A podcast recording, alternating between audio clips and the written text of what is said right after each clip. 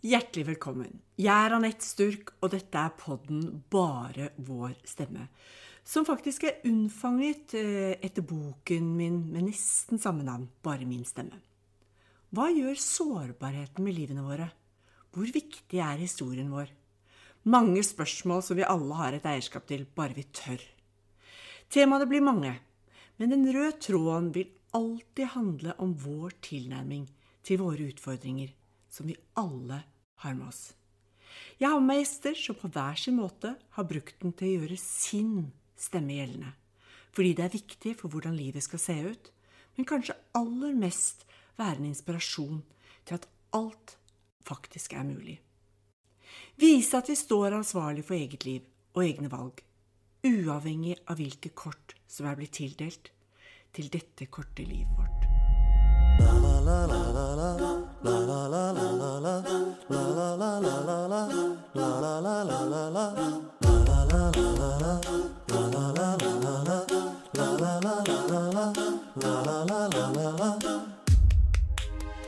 Velkommen, Jack, eller Jack. Det kommer helt an på hvem som snakker til deg, tror jeg. Stemmer.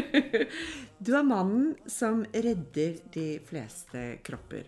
Og jeg skal la det være litt til eh, overraskelse til senere.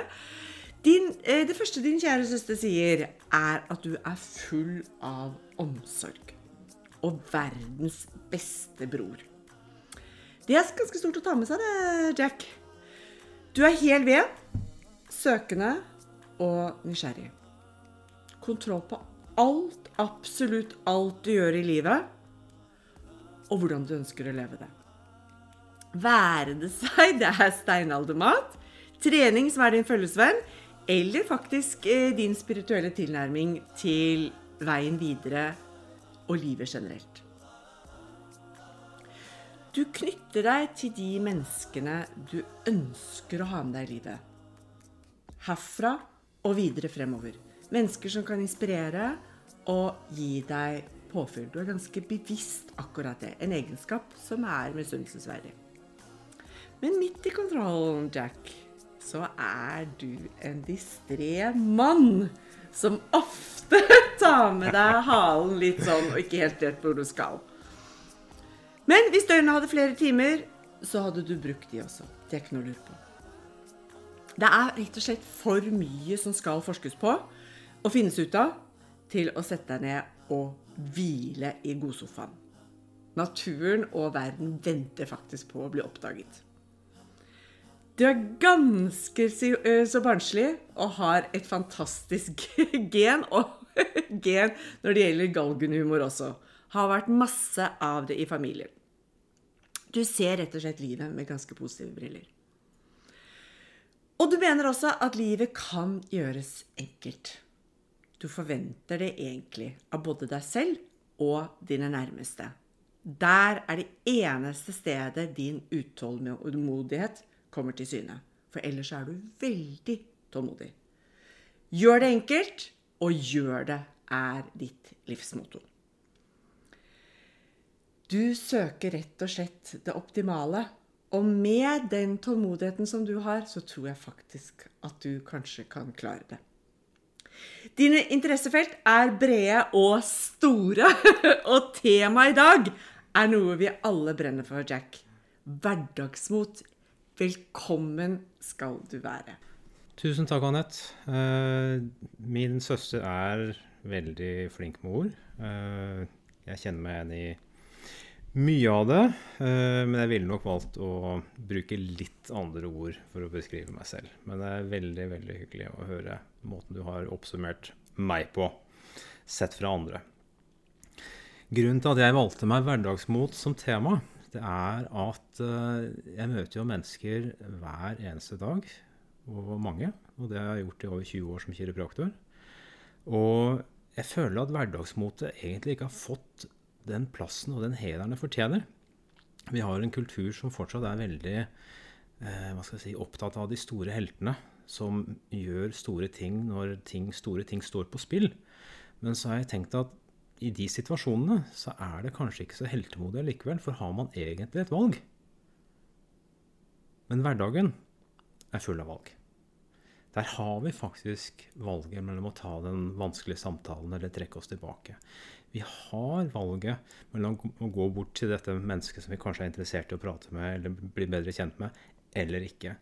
Og det er dette hverdagsmotet jeg syns trenger å få litt mer plass. For vi, vi, trenger å, å se hvor store vi egentlig er, og hvor modige vi egentlig er. Det tror jeg du har veldig veldig rett i. Jeg tror det er en mangelvare, virkelig en mangelvaluta, på å se vår egen storhet. Hvor stor må, Da må jeg bare spørre deg. Hvor stor klarer du å se deg selv? Hverdagsmot er en av mine kjerneverdier. Og det er ikke en kjerneverdi jeg har valgt fordi jeg er så fryktelig god på det selv. Men det er en kjerneverdi jeg bevisst har valgt fordi jeg ønsker å bli bedre på det. Så, så jeg, hvis vi tenker oss en sånn 0 til 10-skala, så tenker jeg at jeg ligger på en sekser. Eh, men på en god dag så er jeg nok eh, oppe på en 8-9. Er det et spesielt område, og, du må på ingen måte svare, men, men, er det et spesielt område du gjerne skulle vært bedre? Dette skulle jeg ønske når det gjelder hverdagsmot? Det, det, er ikke et enkelt svar på det, eh, men der jeg merker at jeg sliter mest, det er at jeg, jeg føler lett andre mennesker og hvordan de har det. Og jeg syns det er vanskelig av og til å ta en hva skal jeg si, tilsynelatende litt vanskelig samtale når jeg ikke er helt sikker på hvordan jeg skal måte tilnærme meg de menneskene. For jeg, jeg, kjenner, jeg kjenner, så godt hvordan de har det. Det syns jeg er fryktelig vanskelig. Og da hender det at jeg trekker meg. Jack, er det fordi at du kjenner igjen problematikken, eller er det fordi at det da er vanskelig på en måte å gå ut til denne personen? Det, for meg så er det nok begge deler. Eh, både vanskeligheten, for med en gang jeg kjenner på at uh, noe skurrer, at er, jeg kjenner på hva den andre kjenner på, så, uh, så føler jeg at jeg må prestere. At det er jeg som må levere. Uh, jeg er god på å levere, men jeg syns det kan være fryktelig behagelig også. Uh, og selvfølgelig så gjenkjenner jeg meg i uh, en eller annen hva skal jeg si, problemstilling. For mye, mye av dette handler jo om kommunikasjon. Og der har jeg mye å lære. Uh, jeg har heldigvis fått mye tid til å øve med, med, tanke på hvordan hverdagen min ser ut. Men gjerne den dype kommunikasjonen én til én hvor man gjør seg sårbar, der føler jeg at jeg har noe å hente. Føler du at det er liksom det ultimate Ikke det ultimate, for det var feil ord. Men føler du at det er det største? Det der å tørre å være modig og gi av sårbarheten At det er liksom det største hverdagsmotet? Sårbarheten i? Ja, jeg, jeg, tror det. Og jeg tror det, det henger nok sammen med hvordan vi mennesker er skrudd sammen. Fordi når du gjør deg sårbar, så er også hva skal jeg si, muligheten for å bli avvist ganske stor. Å bli avvist for i genene våre betyr egentlig at du blir sparka ut av stammen din. Og blir du sparka ut av stammen din, så er du enten død ganske fort, eller så blir du en eller annen slave. Så det, det tror jeg ligger ganske dypt i oss, som en, som en frykt. Så derfor tror jeg det å virkelig åpne seg opp og være, være sårbar er fryktelig vanskelig for ja, mange, inklusive meg.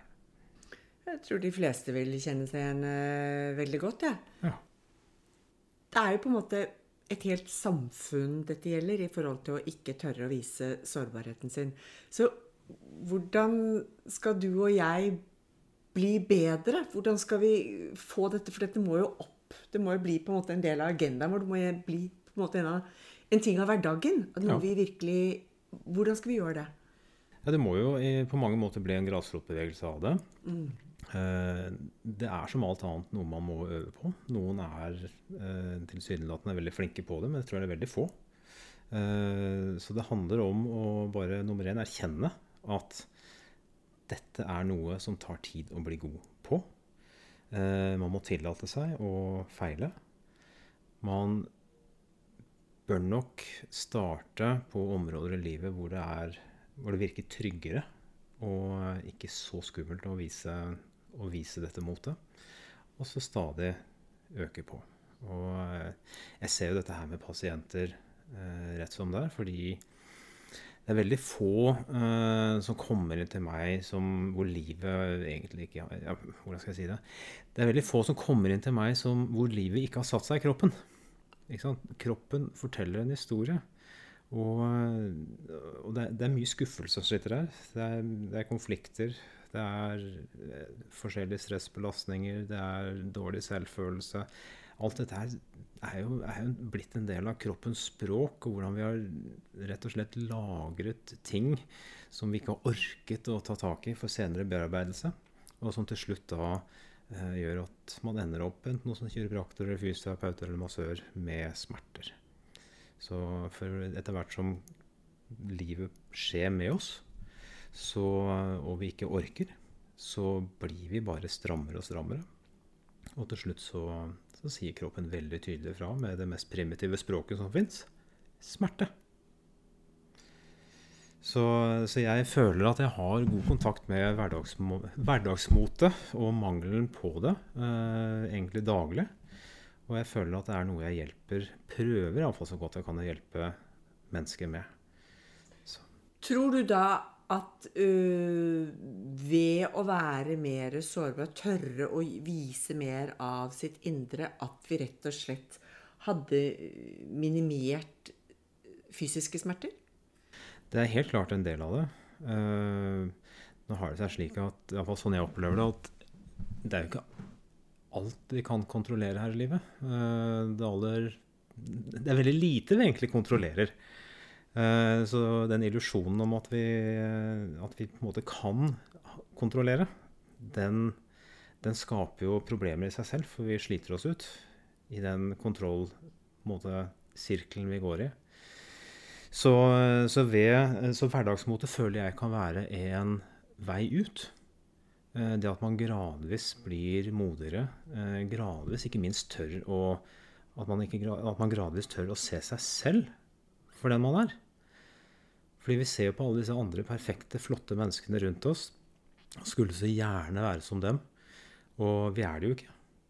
Så, så jeg tror litt av hverdagsmotet handler jo også om å rett og slett erkjenne at vi, vi har alt i oss. Både det lyse og det mørke. Det er noe jeg gjerne skulle hatt den trylleformelen, Jack. For jeg, jeg som deg spør jo så mange mennesker hva de er stolte av, hva de liker ved seg selv. hva er de, Og det er ikke mange ordene de behøver å på en måte komme frem med. Mm.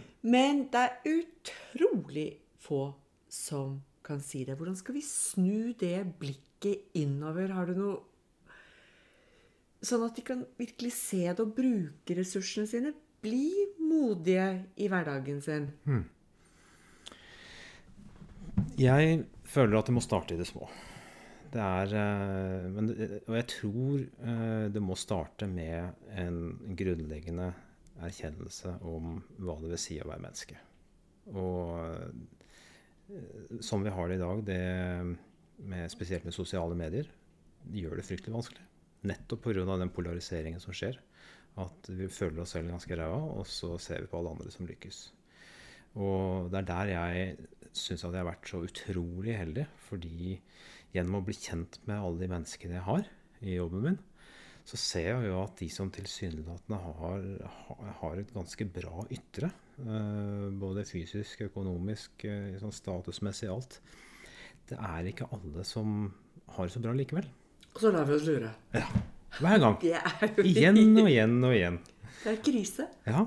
Og det er uh, og det er selv veldig ressurssterke mennesker som eh, har eh, en drivkraft i f.eks. det å ikke ville være aleine. For hvorfor de på en måte søker eh, bedre økonomi, ikke sant. Finere hus, finere bil. Og det, det er så trist. Men jeg husker jeg hadde spesielt én pasient innom som jeg så veldig opp til, og som var ærlig nok med meg. Og det var en sånn ordentlig hva skal jeg si, vekker for meg. Og jeg egentlig kjente at jeg var veldig fornøyd med mitt eget liv. Det var, eh, Den husker jeg veldig godt. Jeg kan selvfølgelig ikke si hvem det er. Men eh, det, det, det virkelig gjorde inntrykk på meg. Så, og Det er derfor jeg sier når folk kommer til meg og forteller hvordan de har det, Om de forteller om smertene sine, eller om det er noen andre ting de forteller om, så, så har jeg en sånn ting jeg pleier å si, og det er at uansett hvordan du har det, så er det alltid noen som har det bedre, alltid noen som har det verre. Du er alltid midt imellom noen. Kanskje det er eh, noe av oppskriften, det hvis vi på en måte er ærlig, begynner å være ærligere med hverandre. Ja. At folk vil føle seg, eller våre, vår omverden vil føle seg tryggere fordi at de ser at det faktisk eh, er en annen historie på den andre siden av gjerdet. Mm. Har du vært i situasjoner hvor du føler at du på en måte hvor, altså hvor går du for å Når du ser at det motet ikke er helt sånn som du ønsker? Er det noe spesielt du gjør fysisk, eller ting du gjør som du tenker at her kan jeg innhente informasjon, eller her kan jeg hente hjelp? Mm. Det er et veldig godt spørsmål. Eh, personlig eh, så liker jeg å starte med kroppen, siden det er det jeg er god på. Eh, veldig ofte så ser jeg at mange bærer på mye spenninger som er egentlig det jeg kaller et sånn beskyttelses- eller forsvarsmønster. Eh, som gjør at vi egentlig ser verden og livet veldig begrenset. Eh, så jeg har metoder som hjelper folk å dempe det. Og med en gang du får dempet det, og frykten går ned, engstelsen går ned Egentlig det vi på fagspråket kaller aktiveringen går ned, så er det mye lettere å, å begynne å prate. Så du kan rett og slett fysisk kjenne det i kroppen når vi er i forsvar. Akkurat som vi er i en krig, så har vi et eget språk i kroppen vår som sier 'alert, alert', nå er det noen som skal skyte deg. Det stemmer. Wow. Ja, det er faktisk litt wow. Og hva gjør du da med din egen hvis du kjenner at 'nei, jeg får det ikke helt til'? Hva, så snakker du om fysisk kroppen. Hvor går du? Trener du? Eller hva gjør du for å innhente da informasjonen til deg selv? Når jeg har det på den måten, tenker du på? Ja, Du bør ikke engang ha det vanskelig, men bare kjenner at hverdagsmotet er ikke helt nå. Jeg må hente det et eller annet sted. Sånn, sånn jeg er skrudd sammen, da, så må jeg bevege meg. Eh, Jeg må bare begynne å gjøre noe. Og det trenger ikke være en målrettet hva skal jeg si, bevegelse mot der jeg trenger å gå. Men det handler for meg om å ja, Vi har litt ord på norsk. Å, å være litt framoverlent. Det at du liksom er, du er på. Og, og med en gang jeg begynner å bevege meg, så blir ting mye enklere. Men hvis jeg sitter i ro, eh, og gjerne hvis jeg sitter litt dårlig, litt krum i ryggen, og ikke puster annet enn ned i brystet mitt, da kan jeg like gjerne bare kutte ut, for det, det går ikke. Og det gjør vi ofte hvis vi ikke har det så bra. Så puster vi jo knapt nok, og vi sitter jo som en sånn ball i en eller annen sofa eller stol, eller, så, så det er jo ganske vanlig. Det er veldig vanlig. Er det noe øh, fysiologisk som skjer med kroppen når du da går ut Er det noe som gratis hjelper det? Som, en, som vi vanlig ikke vet om? Det er det. Og uh, det er egentlig veldig enkelt. Uh, for veldig ofte når vi tror at, uh, at på en måte motet svikter mentalt, og det kan hende at det gjør det, så, så hjelper det veldig sjelden å fikse det via det mentale. Det er mye lettere å gå via omveier, gå der hvor du allerede har ressurser, istedenfor å gå rett på det som er vanskelig.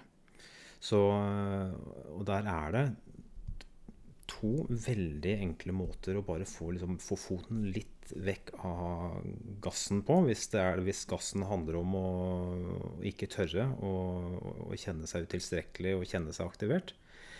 Og det ene er en veldig enkel pusteteknikk som går egentlig på å koble seg på gjesperefleksen. Og det er to innpust og et langsomt utpust. Det kan jo alle gjøre. Ja. Og det er veldig enkelt, men det betyr at det første innpustet, hvis du tenker deg et glass, da Det første innpustet, der fyller du neste glasset nesten full. Og så skal du ha et siste lille innpust som du, for å fylle det helt opp. Og det skjer ganske raskt. Og så skal det være sakte ut. Og på den måten så åpner du opp alt som er alveoler i lungene, disse små boblene hvor utvekslingen mellom karbondioksid og oksygen er. Og det er det vi egentlig også gjør når vi gjesper skikkelig. Og du på en måte begynner å ta foten av gassen. Og hvis man gjør det en tre-fire ganger, rett etter hverandre, så er det en utrolig flott måte å bare starte den måte å snu det på. Så hvis, hvis man skal høre det her, da, så vil det være som dette her.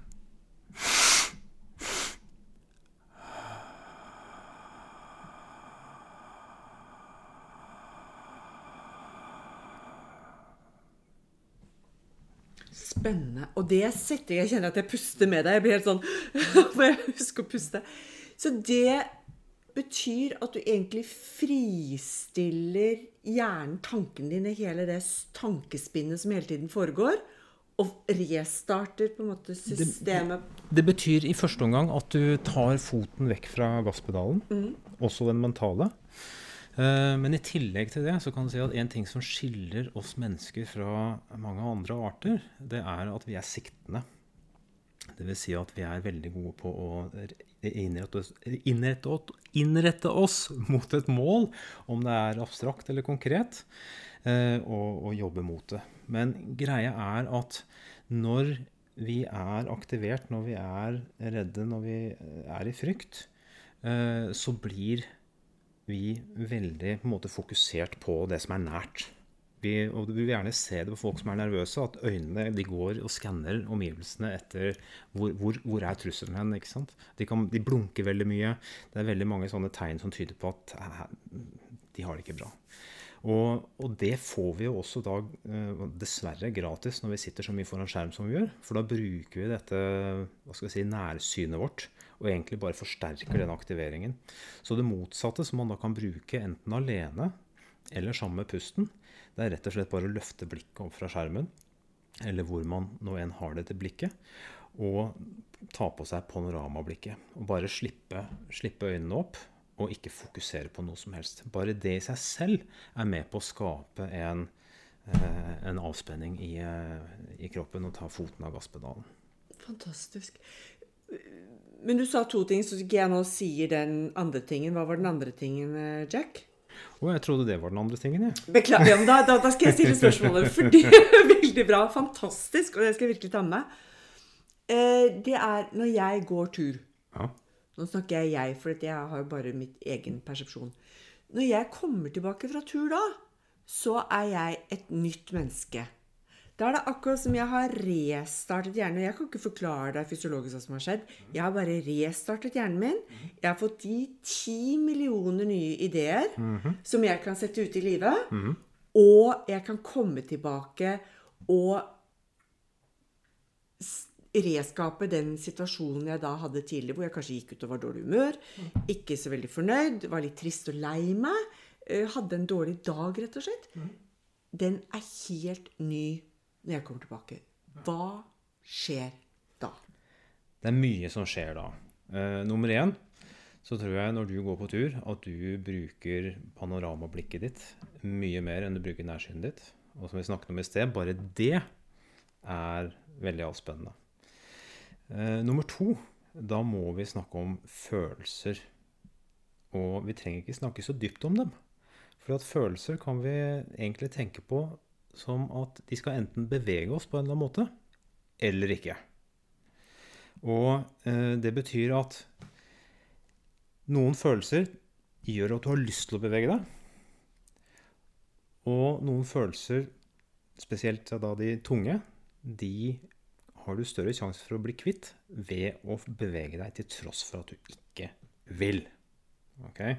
Så når du går på tur og beveger deg, så er det noe av det beste du kan gjøre uansett. Enten for å forsterke det gode, eller faktisk snu det vonde. Så egentlig så burde det vært en medisin. Altså Før medisinen så burde det vært forskrevet gåtur. Helt riktig. Og det ser vi jo. Eh, forskning viser jo at ved både mild og moderat depresjon så fungerer da fysisk aktivitet og trening bedre enn antidepressiva. Mhm. En siste ting, eh, det er jo at når du går på tur, da må jeg nesten spørre deg Har du opplevelsen av at det er du som beveger deg gjennom landskapet, eller er det landskapet som på en måte blir nesten sånn kasta på deg? Oi. Mhm. Eh, ja, Gud, det var jo Ikke sant, måtte jeg tenke hvor jeg, Vet du hva, jeg føler vel egentlig Nei, jeg, jeg vet, jeg vet ikke om jeg kan svare på. For jeg føler meg så veldig i ett. Jeg titter på bladene, og jeg ser og ser på farvene. Og så Ja. føler jeg at jeg plutselig så eier livet. Det er sånn, jeg, jeg blir nesten litt sånn euforisk. Og hvis jeg da i tillegg har på noe musikk, Mm. så altså, da danser jeg Jeg tenker at Det skulle jeg Ja. likt å se. Jo, det gjør jeg. Nei, det er et ledende spørsmål. Ja, er Eh, interessant. poenget er at uh, vi har til og med i språket vårt følgende at når du, når du er overveldet, så føler du at ting blir kasta på deg.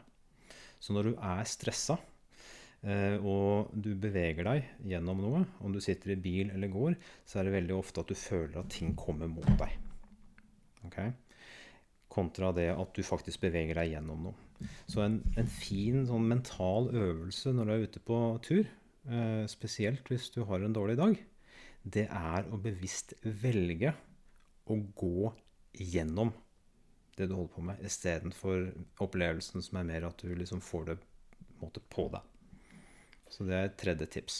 Så spennende. Men når du snakker om panorama, Mhm. hva mener du? Hva legger du i det? Det jeg legger i det, det er at du ikke fester blikket nødvendigvis på noe konkret nært, men at du bare slipper opp blikket og nyter på en måte omgivelsene. For det er jo også ganske viktig, tenker jeg. At Mhm. jeg liksom tenker når jeg da skal gå på tur. I morgen tidlig så skal jeg love deg at jeg skal få med meg minste lille detalj. For det tenker jeg at det er ganske vesentlig. For, for, for hadde jeg tenkt at jeg var veldig tung, så er det kanskje fort gjort også at man titter bare ned i bakken. Ja. Og, og, og beskytter seg litt på en måte mot omverdenen. Vet ikke. ja. Ja. Løfte blikket, altså. Ja, og i tillegg til å løfte blikket, eh, så handler det Vi pratet litt om det i sted, dette her med går det med krum rygg eller rett rygg. ikke sant? Eh, Det å løfte brystkassa samtidig. Ikke stramme opp ryggen, for det gjør deg bare stram og anspent. Men å tenke deg at du har en snor festa i brystbeinet, og som løfter deg litt opp. Som drar deg litt opp. Og det trenger ikke være fysisk voldsom endring i kroppsholdning, men bare at du går rundt med opplevelsen av at noe holder deg litt oppe, mer enn at det drar deg ned, gjør veldig mye. Og jeg tenker, og, Arrester meg hvis det ikke er riktig, men jeg tenker også, i hvert fall, jeg kan jo bare snakke for meg selv, så tenker jeg at de gangene jeg går veldig oppreist, så eier jeg på en måte meg selv og livet mitt i mye større grad. Jeg merker en mye større selvfølelse. Ja.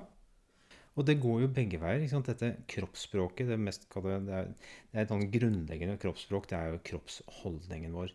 Dessverre så er jo kroppsholdning et substantiv når det burde vært et verb. Ikke sant? Mm. På engelsk så leker vi med ordet 'posturing' istedenfor 'posture'.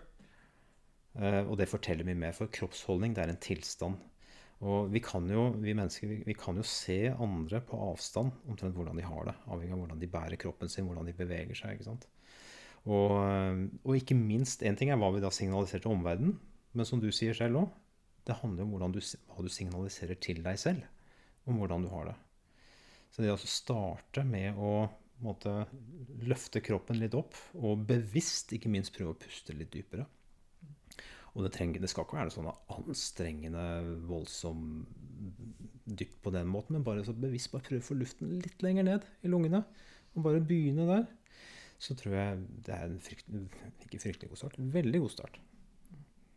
Og alt jeg tenker på, alle disse nå elementene du har snakket om nå, er jo enkle. Altså, alle kan gjøre det. Ja, ja.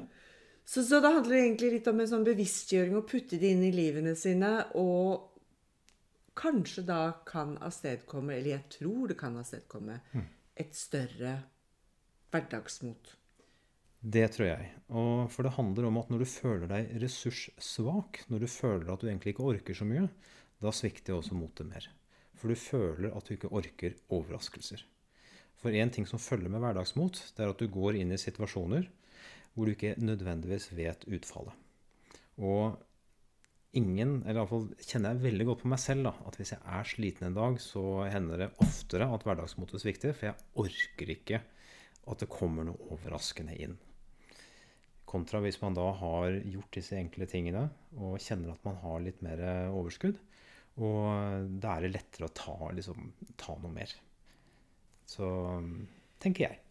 Og jeg er så enig med deg. Eh, Jeg tenker på dette her fordi at det høres kanskje ut for noen som om dette er enkelt. Men det er enkle grep. Men hvis man ikke helt vet Vi er jo ikke noe flinke til å vite hva vi vil.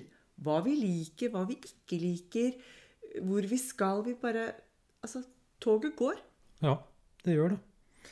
Og jeg kan iallfall si for min egen del at jeg har brukt en del tid både på å finne kompasset mitt, og ikke minst beskrive terrenget. Både mitt indre terreng, hvem jeg er, og hva jeg syns er både lett og vanskelig, og vondt og godt, men også ytre terreng. Hvor, hvordan, hvordan er verden rundt meg?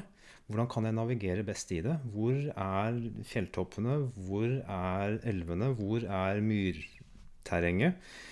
Eh, hvor vil jeg hen? Eh, og ikke minst verdiene mine, hva som er viktig for meg å leve etter.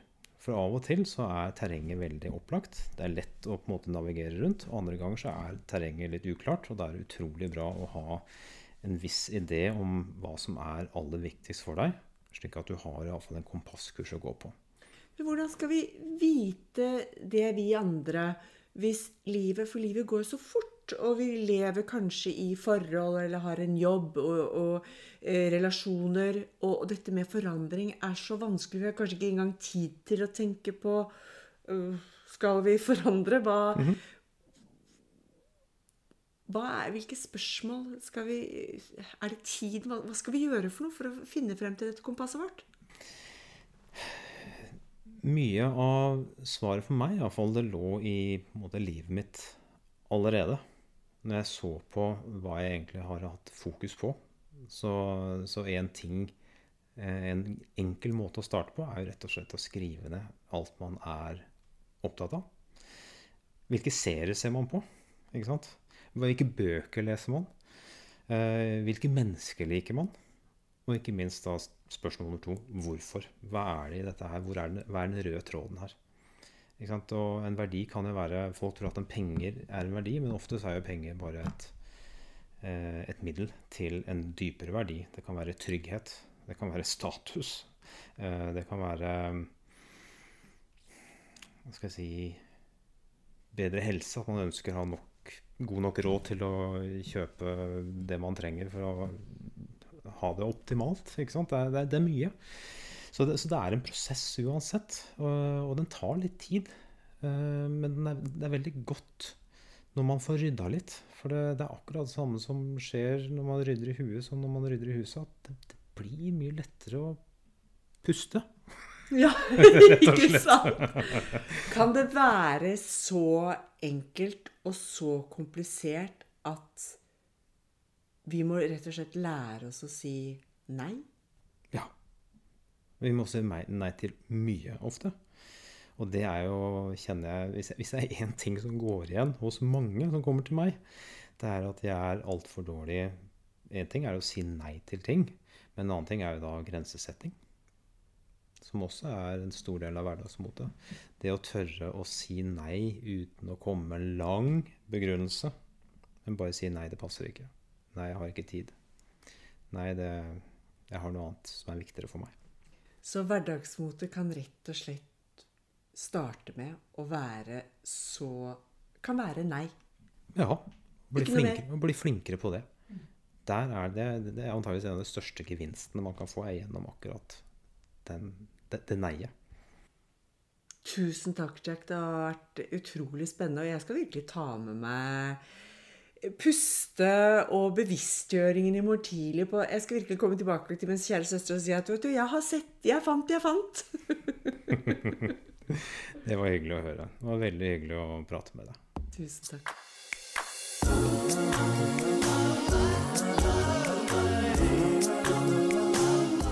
Tusen takk til deg, kjære lytter, som er med på denne reisen. Temaene er mange, og alltid fylt skal være med inspirasjon og masse innsikt. Tanken er at det skal være ekte samtaler med temaer som berører og setter fokus på historiene våre. Jeg kan nesten ikke vente til neste gjest, og ikke minst høre den filterløse fortellingen og deres narrativ. Så følg med om 14 dager. Og hvis du ønsker mer info og inspirasjon, så går du inn på Instagram-kontoen med samme navn, bare vår stemme. Så ses vi veldig, veldig snart. Tusen takk.